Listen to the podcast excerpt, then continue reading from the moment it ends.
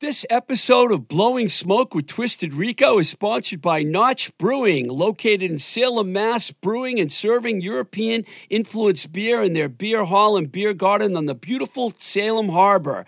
Notch just opened their second location at 525 Western Avenue in Brighton, Mass, just minutes from downtown Boston. The new Notch location also has a beer hall, a large beer garden, and an outdoor live performance and music space. They have a DJ spinning really cool vinyl as well. They will also be hosting live shows. Not only do you get some of the finest brews around, you can also enjoy live music in their outdoor venue. Notch's beer is available at retail throughout Mass and Rhode Island and also through mail order direct from Mass and PA. If you haven't tried Notch yet, it's about time you do. Get yourself a Notch beer, or better yet, head over to Notch Brewing and tell them Twisted Rico sent you.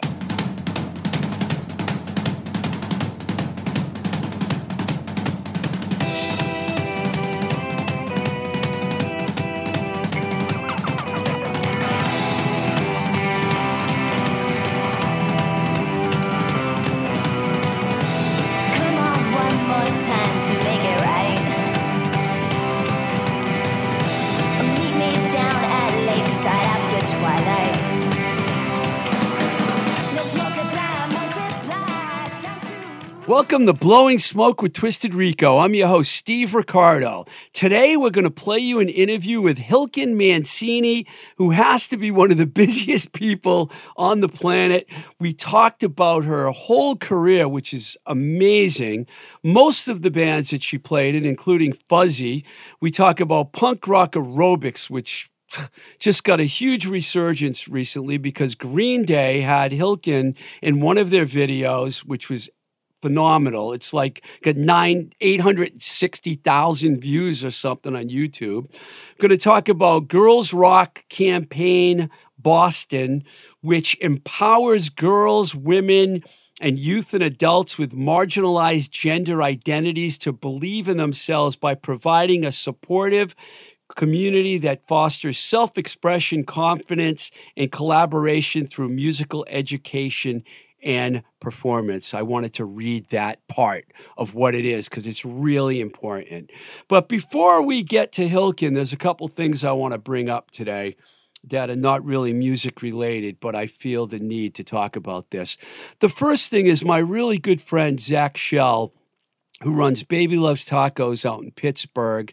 The guy that basically told me I needed to do a podcast and convinced me to start this podcast in January 2019. I got the really sad news this week that he has to shut down one of the Baby Loves Tacos locations. Uh, this all has to do with COVID and everything that's happened with COVID. And the second location, the, the, the neighborhood, there's all these rules that they can't keep up with. They can't keep up with the. It's just become a real hassle. And I feel really bad because Zach's a really good guy. He's one of the toughest dudes I know. And I know he'll get through this. And he still has the Bloomfield location in the Little Italy section of Pittsburgh, and they're opening another location near the University of Pittsburgh. But if you're anywhere near Pittsburgh, and I know I have a, a lot of listeners in that area that listen to the show regularly, please head over to Baby Loves Tacos and support them because you know they need your help now more than ever. I used to talk about small businesses a lot during the pandemic. I haven't done it as much lately, but I still feel the same way and I still need feel that these small businesses need our support. So please, even if you're an hour outside of Pittsburgh, drive to Pittsburgh, go to Baby Loves Tacos. Did I mention their food is amazing? They have the best food around. And, you know, Zach's a great guy, and Kat and Kaz and John and everyone else over there at Baby Loves Tacos, talking about the Sandman, John John Sandy, who also listens to this show a lot. And I'm reaching out to you guys in that area to please go out and support Baby Loves Tacos. All right, I got something else that's really bugging me right now, okay? Masks, okay? It really is not uh, the biggest deal in the world that people make it out to be to put a mask on. And, you know, I know by the time this show comes out, because we're a few weeks ahead, hopefully things will be a little better. But right now, even here where I am living in Massachusetts, it's not. It's not better. And there's a lot of people that are not vaccinated. And you know what? I don't go to a supermarket and not wear a mask. And it irritates the hell out of me that people are making such a big fuss about it. What's the big deal about putting a friggin' mask on when you go into a public place like a supermarket? And then you know what irritated me? I won't mention which supermarket, but one of them, it's a chain up here. None of the employees wear masks either. It's like, I don't give a shit if you're vaccinated or not, because I don't know if you are or not. I don't know what you believe in.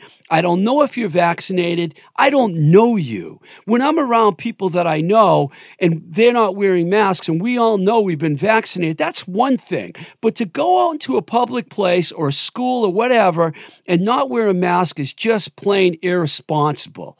And, you know, I'm sorry. I just had to get that off of my chest because I am extremely irritated about this, and it's not that big of a deal. I personally have not even had a common cold since March 2020. I know a lot of other people that haven't either. I think masks are healthy.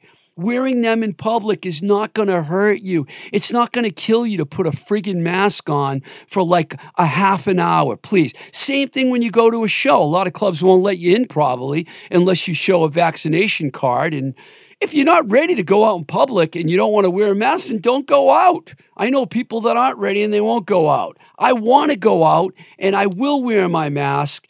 And whew, okay, settle down, Steve. Okay.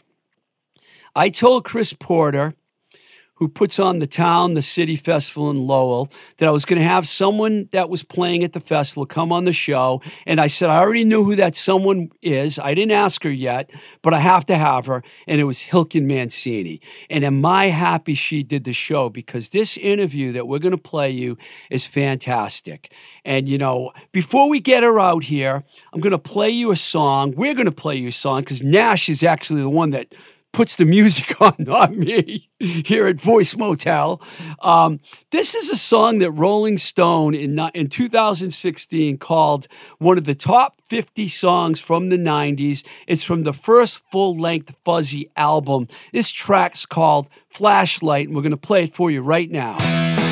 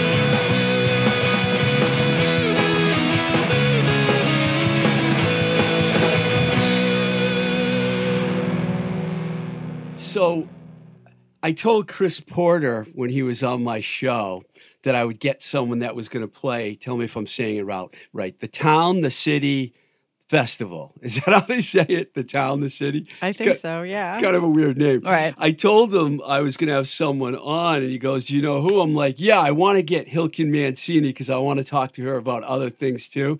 But the sh- the whole festival got canceled, right. so moved to like April. Yeah. So, but I want, but I'm glad you're here anyways.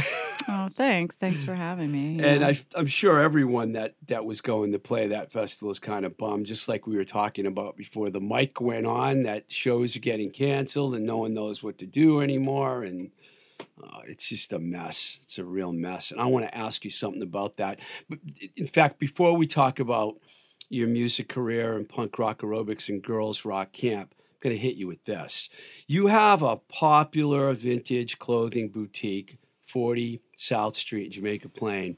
And I wanted to ask you what it's been like running a small business for the last year and a half, because I know a lot of other people that have small businesses, a lot of them in food service and things that are struggling. Is it really affected your business, and what have you had to do to keep things going? Well, yeah, I mean, obviously, when it first hit, I was like, that's, it's over. It's okay. It's time to move on. you know, I just faced it because I was like scared and thinking that's just going to be, how am I going to pay my rent? This is like crazy. But um, because there's been some really great, you know, the economic injury disaster loan, the IDL, and also I'm like a one woman show. I don't have any employees. It's really small boutique. So I really only had to cover my expenses. I didn't have to worry about other people. Right. So I sort of got through it by getting that loan, and then I got a grant um, for because I'm just an independent, small, women-owned business. Um, I just sort of limped through. Didn't pay my rent too. I was just, you know, sorry, I'm not paying my rent. Just like mad at my landlord the- for was even- he cool? Or she cool? yeah, they were okay, but they were definitely going to keep track of it and continue to charge me, and I would owe back rent, which is ridiculous. But, anyways, so the grant, once I got the grant, I was like, okay, I can breathe. But the whole thing about capacity, because my store's so small, um, was a real bummer because it was like, okay, I can have one person in my store and myself. So, luckily, there was a lot of filming going on during the pandemic in Fall River and so I got hooked up with some costuming, and that saved my butt. Oh, you worked on films and TV and stuff? Well, yeah, I I got some connections through this woman who bought back. There was this HBO series. I don't know if you, Frances McDermott. Oh, yeah, the I Olive. love her. Okay, yeah. So the Olive Kitteridge. Oh, yeah, yeah. So this woman Jenny, um, she's she's an amazing person, costume designer, and she lives in Los Angeles. And she was here doing a film for the George Clooney movie, and I guess she remembered I dressed Martha Plimpton in that piano scene in the '80s, kind of because I have a lot of. oh, so you've done stylist. stylist No, no, no, no, no, no. I didn't dress her. I mean, like literally, I was like, "Here's what I have," and then they pick it. So I oh, just Oh, put out a bunch of okay. crap, and then they pick it. So I, it's not my eye, but it's like the stuff I got. So she, I don't know, remembered, and then oh, I was just so I lucked out. They needed like late '70s, early '80s, not great stuff, just anything, you know, coats, because I got a lot of stuff, and you know, customers are obviously not going to buy something that's like ripped or got a hole or a stain or a button missing. But she's like dressing people. Right. So it's supposed to look warm, you know. So I was like, hey, come on in, go down to my basement, you know, like get whatever you, you know. So she saved me in January and February the sales for this film that's going to come out, the George Clooney, The Tender Bar. Um, is it saved my my ass like literally, and it was really funny too because she'd come in and be like, all right, I got to get something for. I mean, Ben Affleck has no ass. I don't know what's up with this guy. I got to get him. And she's just really funny. And I'm like trying to find, you know, these smaller sizes for Ben Affleck because he's got no ass. Meanwhile, I'm like wondering if I can freaking like buy groceries or pay my, you know what I mean? I'm not paying insurance. I'm I'm, like trying to balance. Am I going to make it? And yet I'm looking for a pair of pants for Ben Affleck. I'm like, my life is really weird. But, anyways, I made it through. And it's kind of because of her and then getting that grant in January where I was like, oh, okay, I could breathe again. Was And, the like- store open the whole time? Mm, no. You had to shut down a lot. Yeah, because of capacity and also for my own anxiety of being like, Yeah. am I going to get sick? But then I opened and I would have the doors open and I, I bought these little Japanese like heating sticker, you know, so I'd wear, I wear like my leather pants, a thermal, a vest. I'd have a heating pad on. I'd have all the doors open and be just because like I'm trying to get air ventilation in because I was like anxious about, it was like crazy. But you know, you make it through. You do it. I You was do what you got to do. I had to ask you about that because I, I can I can't imagine. I know I have some of my friends in food business have really struggled. You know, because you can do to go and take out and all that, but uh, anyway. So you grew up in Syracuse. What was that like growing up there, and how did you end up in Boston? Um, I don't know. You know, it's just a suburb like everywhere else. My parents were cool though. My dad was in um. My dad's got a great singing voice. He was in a four freshman cover band, so Oh, they okay. exposed me to a lot of. Um, he also produced an off off Broadway play at the Harold Clurman. Like my my mother was an actress. Like they had like dreams, but never really fully realized them or pushed. You know, so I grew up around not so much where I grew up, but who I grew up with. Being Right. exposed to a lot of good music and theater, and so I was a dance major at the Boston Conservatory. oh, so you came to school here. Yeah, I wanted to teach dance at the college level. That was my goal. Mm-hmm. Um, but I always, but I knew that Boston had like amazing bands, you know, and so I secretly always wanted to be in a band. But I was like a ballet dancer. But I, I secretly wanted to start a band. So I was like, well, if I go to school in Boston, I can maybe sing in a band or, you know, I wanted to be like Kate Bush or some shit, you know. Yeah. was was that like close to the time that Fuzzy formed in '92? It was right. Yeah, I was in a couple. No, I was in like one band before that. Oh, you were? then- yeah, just singing. But then I had met this woman. I was working at Tower Records, and I had met. Uh, Newbury and Yeah, SF, yeah, yeah. the good one. Yeah, and Gonzo. I got a job. Yeah, I got a job there working in cassettes. Okay, it's like 1989 or 90, and I had met you know a lot of interesting people. Like I worked with Mike Cummings, and then he was like Rob Zombie's little brother, and like I dated him and like danced in his band or something ridiculous. You know, like I just wanted to be in a band, but I was always on the periphery, a little too scared. And then I met Chris Toppin, and she was like, amazing. I loved this woman, and she played bass, and she was cool, and red hair, and like I loved her and wanted to keep talking to her. So we started to play music together, and that's kind of how Fuzzy happened. with uh, David Ryan, who ended up playing in the Lemonheads later, and Winston Bramson. Bremen. Bram, I wrote that down. I typed it wrong. Well, it doesn't matter. It's okay. Raymond, sorry. He's not going to care that much. And you guys like got to work with Tim O'Heir at Fort Apache. that must have been cool. Not only was it, well, he's great. I was just talking about him the other day because I was like, he helped me realize, like, sort of how to play guitar, you Uh-huh. know, because like I was so young and terrible. I mean, I'm still not a good guitar player, but back then I was like barely. You know, I used to go to Cambridge Music and ask them to change my strings for me because, like, I didn't know how to change my own guitar. Like, I literally was in my bedroom playing along to records and had no idea. Um, If you were in tune or not. no, just yeah, maybe. I just don't even know what I was doing. So by the time, like, I was just lucky we got signed and we're on tour with Dinosaur Jr. and I literally don't know how to play guitar. It's just embarrassing. So by the time you know we're making our records, you know Tim would be like in the control booth and I'd be in there trying to do my part, whatever it was, and he would be like, "Hang on a second. And then I hear the control room door shut. And I hear him coming in, walking in, coming. He'd look at me and go, All right, what are you doing? Show me what you're doing.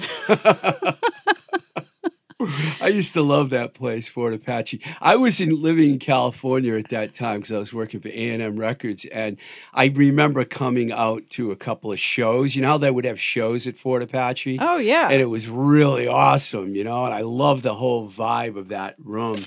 Um, you worked with him on all your records. No, we had heard the Come record, 1111, and we oh, loved yeah, it. yeah. Yeah. And so we wanted to make a record with him, or at least like a demo. I don't know, whatever you do back then. And so we reached out, and he was at the fort. But what we didn't realize was that a couple other people wanted to work with us, which we were just, wow, that's crazy. Like Paul Kolderie and Sean Slade. And then Gary ended up saying, you know, I want, I'm going to manage you guys. I want to help, you know, help you guys. So we got Gary Smith, Smith that right. owned the fort. Okay. Okay. So then Gary, he's like incredible. Like he took, he put so much, you know, effort and time and, you know, monetarily invested in us in ways where I was like, oh God, I hope he gets some sort of return because we never sold records. Um, and the support that we got from that whole clan, you know, and it's really funny looking back on that now because there was the Q Division clan and then there was the fort. And like you didn't like mix, you were like different teams almost, you know. And now, like when I hang out with Jen Trynin or you know talk to Ed and stuff, you're like, it's really funny. You think back on that time in the '90s, or like when I talk to Kay. Was it a big rivalry going on in Boston around that time? Because there were so many I don't. bands. I mean, I don't think there was a rivalry between the bands. I just think that Gary was protective over his artists in a way where he was like, "You're mine." But I mean, it was kind of cool. It was like you're in the mafia or something, and you're like in the you're in the club. You're getting supported or whatever. was it Seed Records? What is Seed Records? So Seed, I mean, honestly, It's we- Atlantic you were on, but Seed was a subsidiary of Atlantic. Yeah, I mean, I think that back then, and it's so silly to talk about this or whatever, but it was sort of in bad form to get signed to a major label. You know what I mean? Like you didn't want to look like you were on a major label. But so it was sort of like bad form. So this way, Atlantic created this smaller subsidiary, which actually was frickin' Atlantic Records because they were oblivious about, you know, like you just got money. Like we would be like, oh, we're gonna go on tour with Dinosaur. Ju- We're gonna go on tour with Juliana Hatfield. They'd be like, okay, here's forty thousand dollars. You're like, all right. And then like the tour get canceled, they wouldn't even notice. Like you were a tax write off, basically. They didn't give a shit. And that was cool, but it was also terrible because You, you, know, know, I, I started it in, in working for independent labels, and I ended up at a major. And Atlantic always had a, that reputation, throwing a million bands against the wall. yeah. You know, they're fa- they were famous for that. Yeah. So it must have been difficult, unless you had someone really in your corner at the label. It's hard to get the attention you need from a at that time. But you know what? Honestly, it wasn't difficult. It was a freaking dream. I mean, I was 22 years old and they're just like, here's money to make a record. Here's uh, go buy so a you van. didn't notice the politics. Go on. Well, I didn't. I I did notice it, but I didn't give a shit because I was like, I'm getting money and I'm not working to be in a band, and I'm not even good. That's how I felt. Like I can't even play this guitar. I and- thought you were good. Well, I felt like I was a, you know, I bought the CD actually, the the uh, Well, the Dave. No, I mean, I'm not saying the band. Like Dave was incredible, and Toppin was amazing, and Winston's a great bass player. But I was the the weak link. I just Oh, sort of come on. no. I have a. You know what? I'm not a musician. I'm not. I'm really like. I think I have good ideas. Like I named the band Fuzzy. I know I, what That's I an wanted. accomplishment. I wanted us to look like. I knew what you know what I mean. Like in that sense, I'm more of entrepreneurial, but I'm not really talented as far as like playing guitar. You know, I can do it and I can fake it. But so being on tour with Dinosaur Jr. at 22 and being a shitty guitar player and lead, sing- you're just like, I hope I get through this show. You guys went on several tours, didn't you? Yeah, I mean, we toured all through the from probably 22 to 27, I which is like 92 to 97. We toured Wow. a shitload. Um, but not like I still would come home and then get a job, and then go on tour and get fired or whatever. But you know, eventually you found that day job that would let you come back. You had to be psyched when Flashlight was picked one of the top songs of the 90s by Rolling Stone magazine. So many years later, it was 2016. Did that just Crazy. come out of nowhere Yeah. for you? Yeah. I was at the airport picking up my spouse who was coming back from a tour. And I remember I was sitting in the cell phone lot. And then I started getting like these texts and like, you're in Rolling Stone. And I'm like, for what? for what?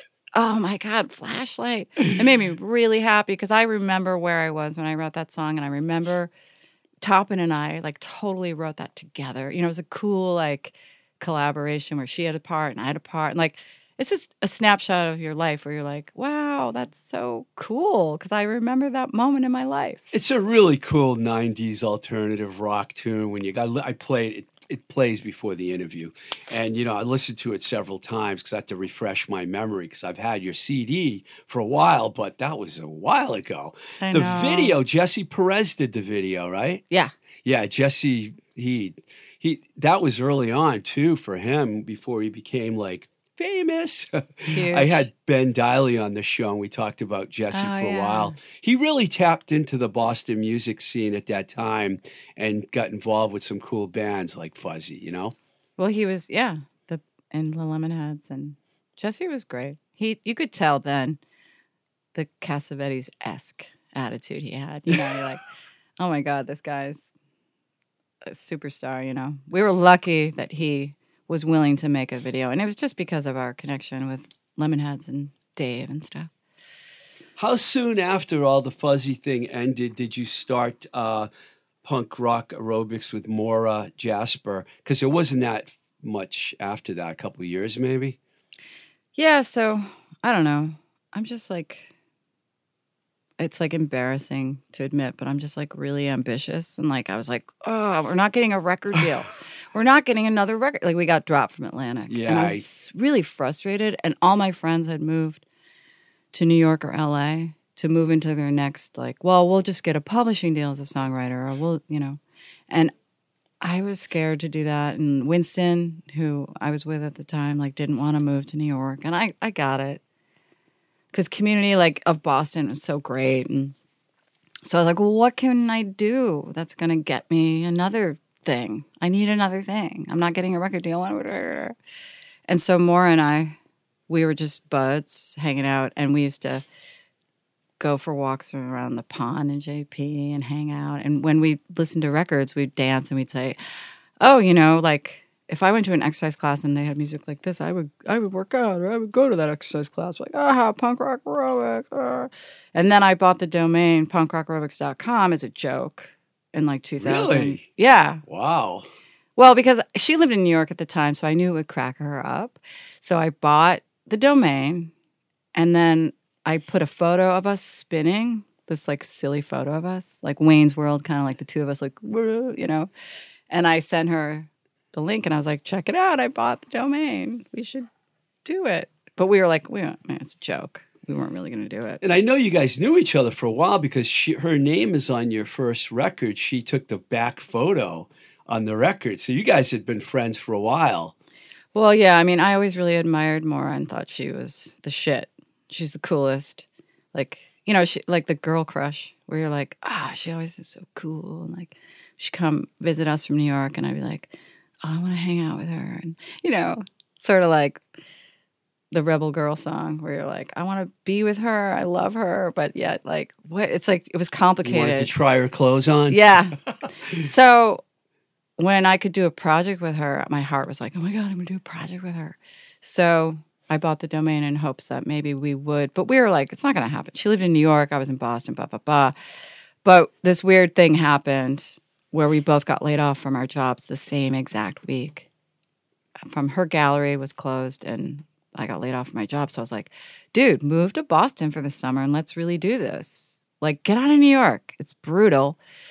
And we can, like, just do a silly, uh, you know, concept. Maybe, I don't know. I kind of talked her into it. I got her a room upstairs in this apartment that I lived in. And I don't know. So we just could hang out.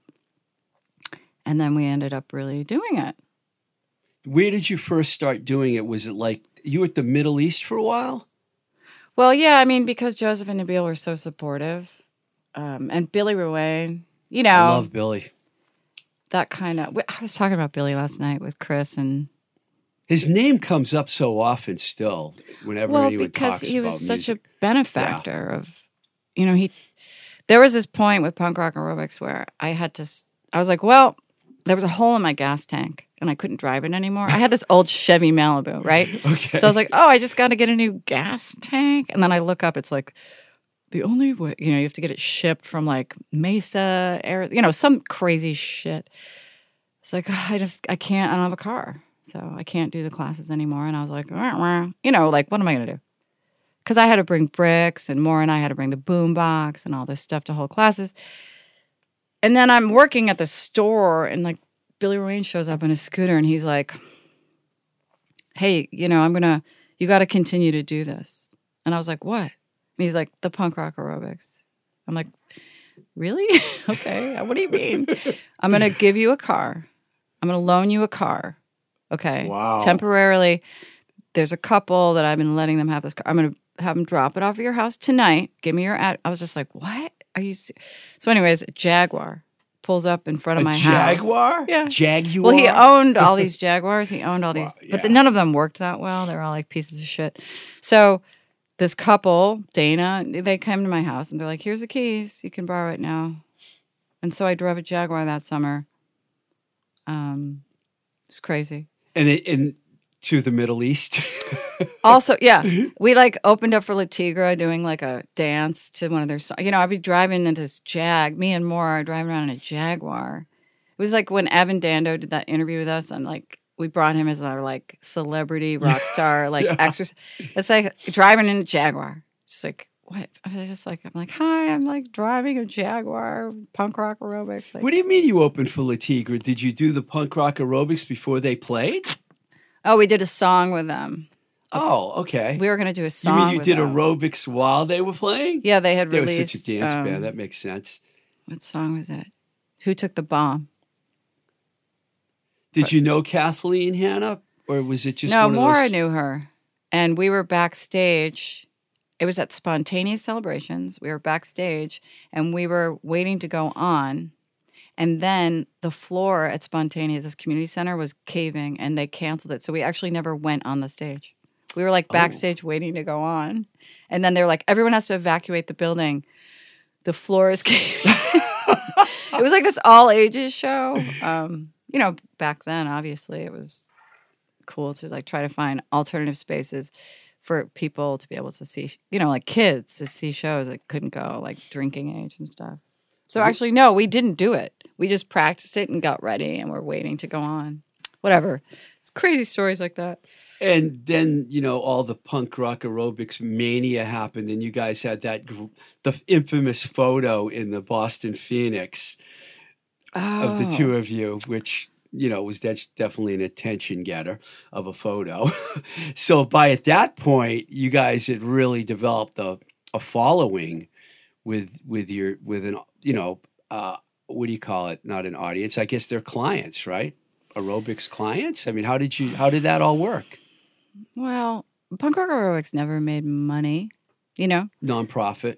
No, it just was like a.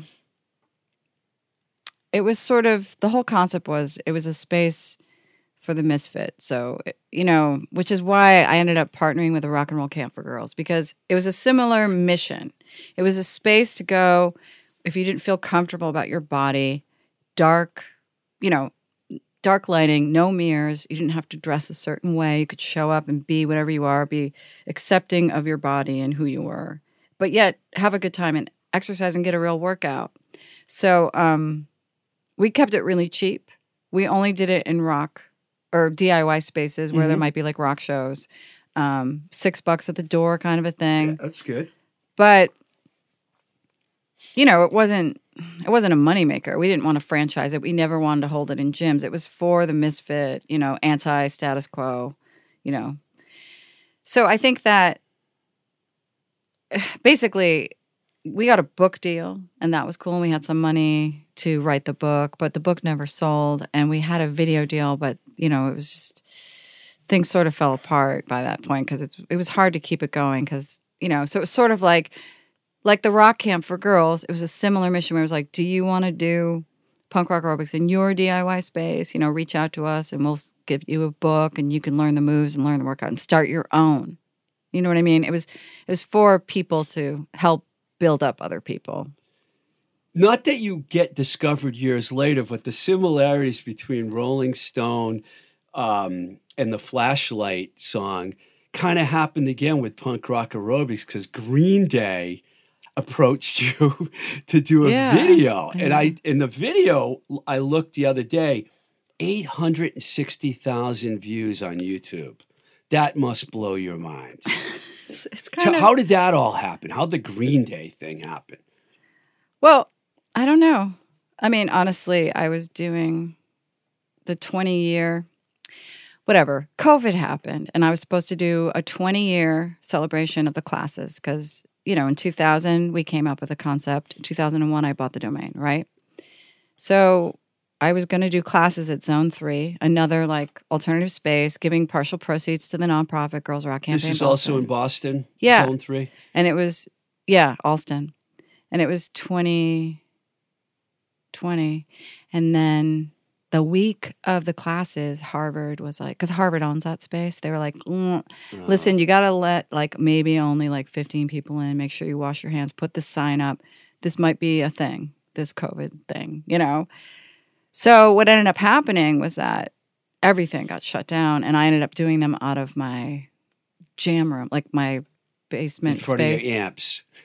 Yeah. Right. And so we just started doing them in my jam room.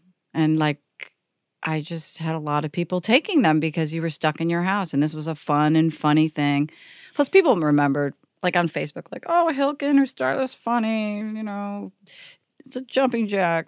It's called the whack jack, but it's like a jumping jack, but it's whack. And then you skank, and then you pogo, and you're like listening to the Misfits. I don't know. It was just like funny. And so I started making more video and interviewing artists who were stuck in their houses.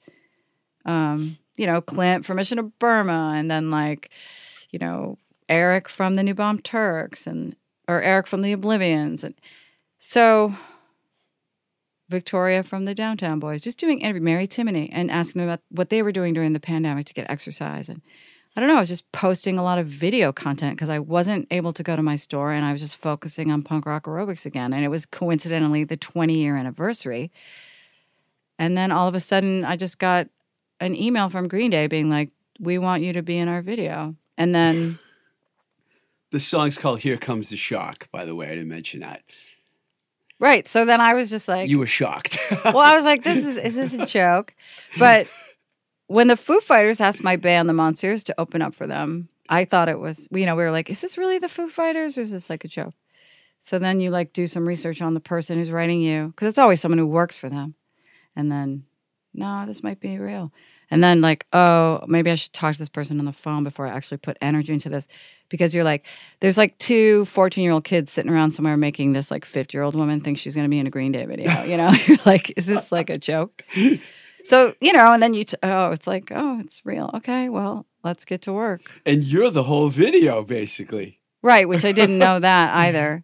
I mean, I knew it was Well, your performance, I should say, with uh, that one move that you do that I like, you know, the the, the Pete Townshend move or whatever. the you be the star air guitar. It's such a joke. I mean, it was really, it's like a joke, but it's also real because you it's get a real become successful though for you. It's incredible.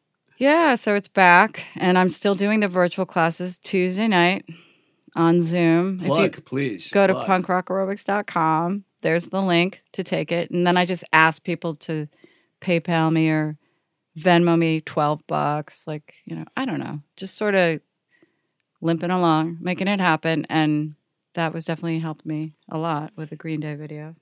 Definitely entertaining. I don't want to not mention some of your other bands that count me out, which I did see. Uh, oh, you did? Yes, I Where? did. I. It could have been like the Lin, Lin, maybe the Linwood or somewhere, somewhere in Boston. I was living here at that time, 2000. I was managing bands and stuff, and I was Okay. always around. I know I saw that. Did you ever play with the Charms? Because I was their manager, and they played a lot of shows or somewhere. I Yeah, remember yeah. seeing. It was like I when we when I ran it when we came in. I told you we sat next to each other Oh, at a yeah. restaurant in. Cambridge, and you were in the band because you were with one of the guys in the Count Me Outs because it was right around that time that I met you. And then Chris Colbourn from uh, Buff Town. Buffalo Buffalo Tom, you guys made a record for Kimchi Records, Mm-hmm. the Shepherdess or Shepherdess, I should say. So you've been in a lot of bands, and now the Monsieurs is that still happening? Not really. You know, just I don't know. I guess we would maybe do a festival again with Slovenly. But, you know, I, I mean, if- I'm not really. It's like shows and festival. Like, are we playing? No. So no one's really playing.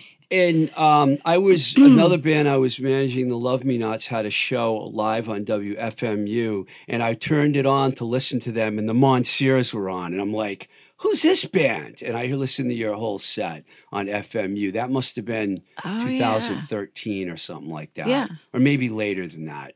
Probably later than that, right? I don't even know. But It's do you like- remember that the Love Me Nots were there with you guys from Phoenix, Arizona. I do. They're great. yeah, they broke up now. The dart, two of the girls are in the Darts now. Okay. and they're a touring band too. But nobody's really doing the the the, the plague, as Ed V called it last week, which I think I'm just going to call it the plague from now on, has totally fucked everybody's plans up Yeah, for touring yeah, and playing and the whole nine yards. It's been Well, I'm just glad that I mean, knock on wood, that we're talking and we're that is okay. wood that you knocked on too. By the way, it's All a right, nice good. wooden It is table. a nice wood table. that we're okay and that we're healthy and like I don't know, scary.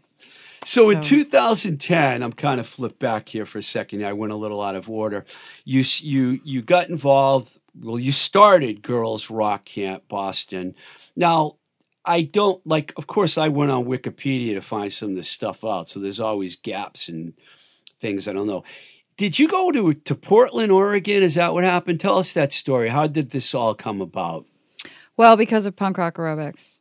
We were gonna do um a video and we were working with Universal at the time. My friend Nate from the Boston's. Oh yeah, yeah. So he was working at Universal and he was helping me with a video deal. And now, as you know, Moving Image with the original song is millions of dollars. Like you can't really release. This is back when DVDs were being released. Going to be too expensive. So we were asking bands like Le Tigre or, you know, Sonic Youth or Dinosaur to be like, will you cover, you know, Mission in Burma? Will you cover this Eater song or whatever? So you don't, you don't have to pay as much. So it's a cover version of the original song. And then we were looking for a mission match to give proceeds to as well, like a cause. Right. And so we were looking and researching, and then we found the Rock and Roll Camp for Girls. And we're like, ooh, this seems like, you know, we're two women, you know, supporting marginalized gender identities or youth and building up community. And I don't know, they just sounded like this great organization in Portland, Oregon. So when we reached out to them, they were like, Of course, you can give us money, but also you should come here and do punk rock aerobics. And I was like, Okay, yeah, right. I'm not going to Portland, Oregon with what money? I'm going to fly there and jump up and down in like a camp for girls. What is this? So I was like, No, I, I can't afford. They're like, Oh, no, no, no. We'll like fly you and we'll put you up and we'll feed you. And then I was like, What kind of camp is this? Like, what do you mean? so I I was like 35. I'm like, okay. I don't even know how, what year, whatever. So I go out there. 2010, I wrote down. I don't know if that's the right year. Well, that's when I started the Boston one, but So I it might went. have been okay, so that. 2007, 2008.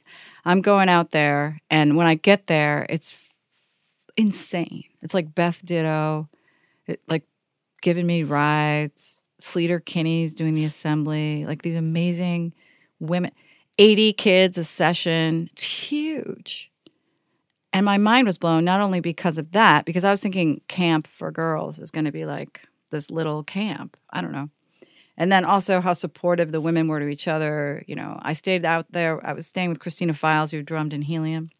nice. And, you know, just how she was recording this band that was also, you know, working with just, they were all supporting each other and helping each other so much. And I just loved that vibe that I became addicted to that and wanted to keep going out there and keep volunteering and supporting youth. And then I was like, Boston should have this. Like, there's so many sick women in Boston, whether it's, you know, like talking about the fort, you know, I didn't feel at all that there was any sort of competition between women. I felt like, like Letters to Cleo, like Kay Hanley was like, come on tour with us. Um, Tanya and Belly, just come on tour with us. You know, like I play this guitar. Um, I never felt like any sort of rivalry and with women, and so I was thinking like, why shouldn't this be in Boston? Merrie Amsterburg, you know, there's so many cool women, Mary Timony and Right. Shauna from Syrup, and so eventually, um, I I was like, I want to start one in Boston, but I'm not. I don't know. The idea of starting a nonprofit for kids is really daunting. So I just was scared. But between the woman I met out there, Nora Ellen Wiles, who was an intern at the time, her and myself and Mary Lou Lord, and Billy Ruane giving us four thousand dollars Billy to the rescue. so that we could get the materials and fly out again to a conference with the women who started the Portland one.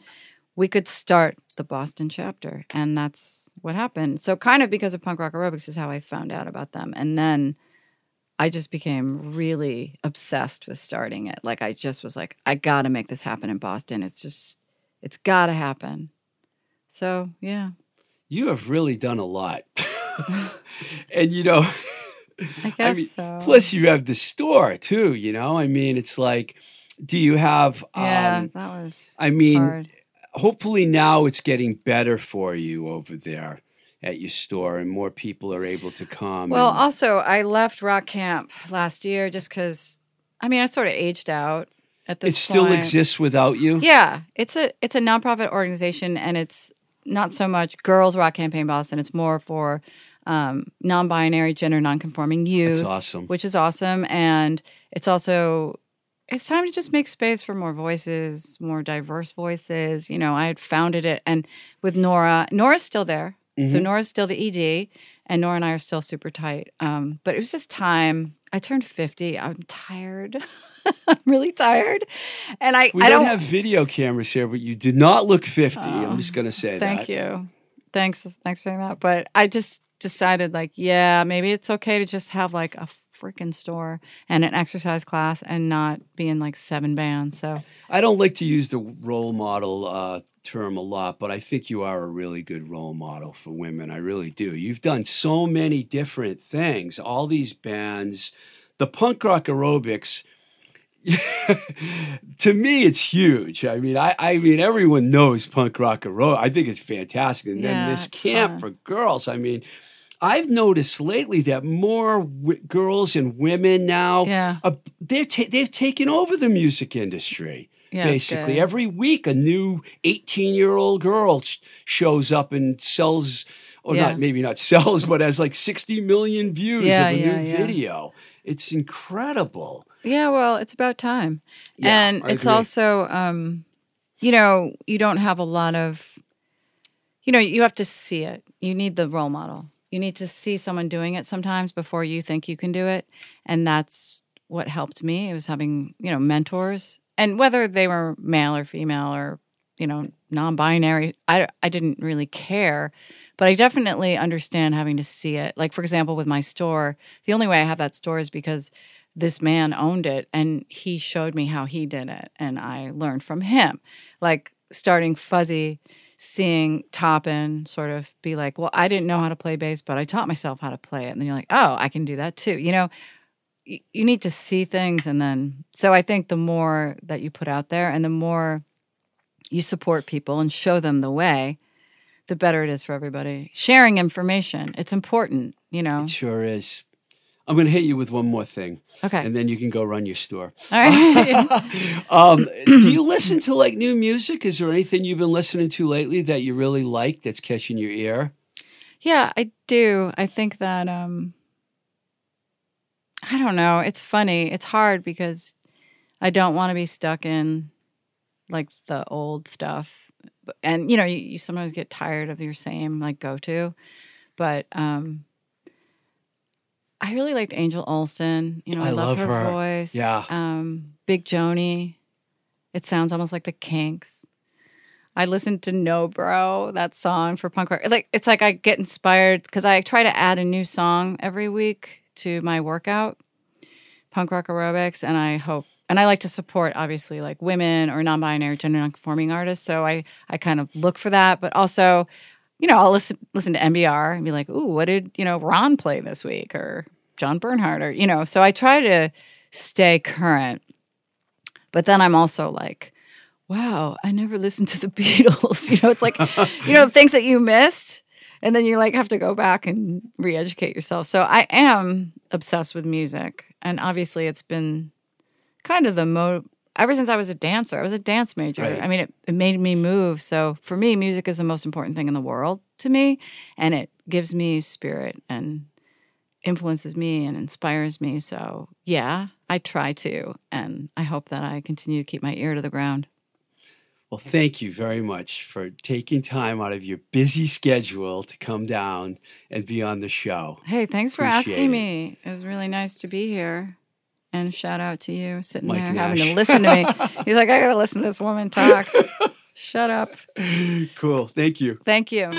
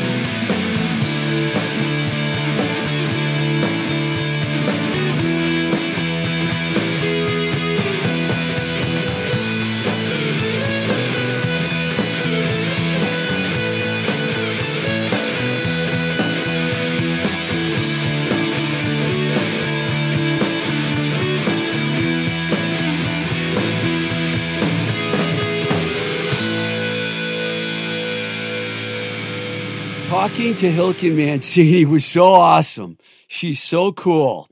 You should definitely check out her store, 40 South, over in the Jamaica Plain part of Boston. If you're not from Boston and you come to town, it's easy to find. That's a total lie because Jamaica Plain is not easy.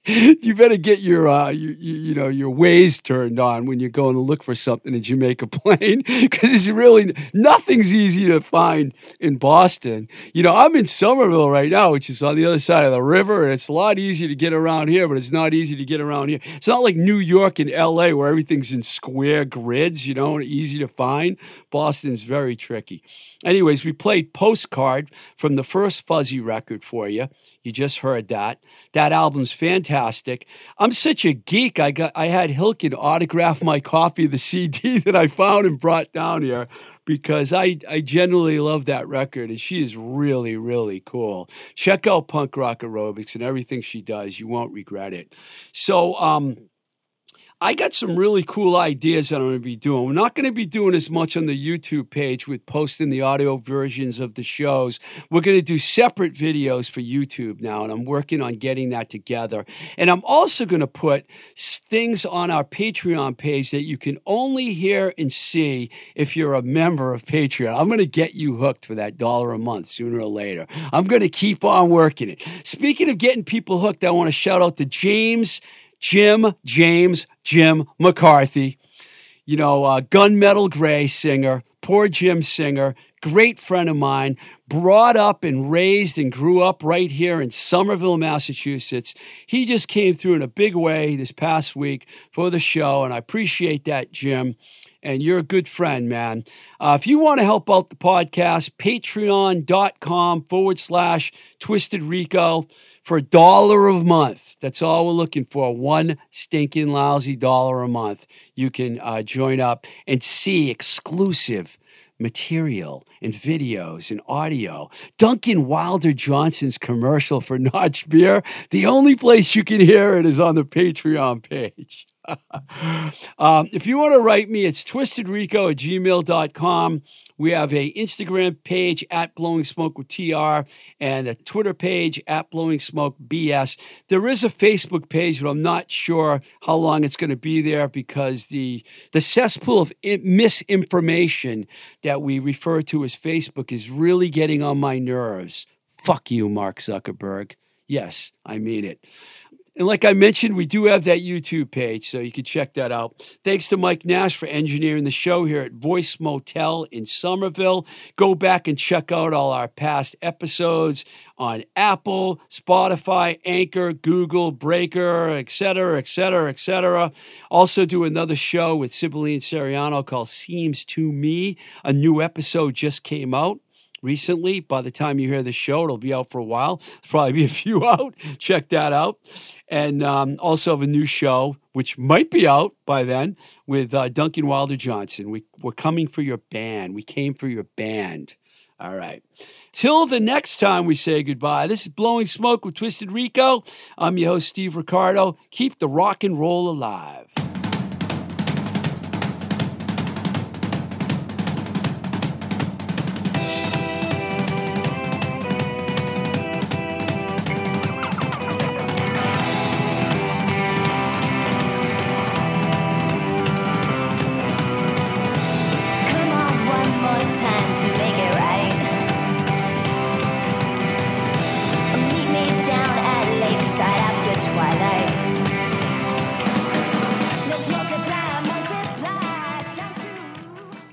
Voice is recorded at Voice Motel, voicemotel.com, your complete podcast recording experience, located in Union Square, Somerville, Massachusetts.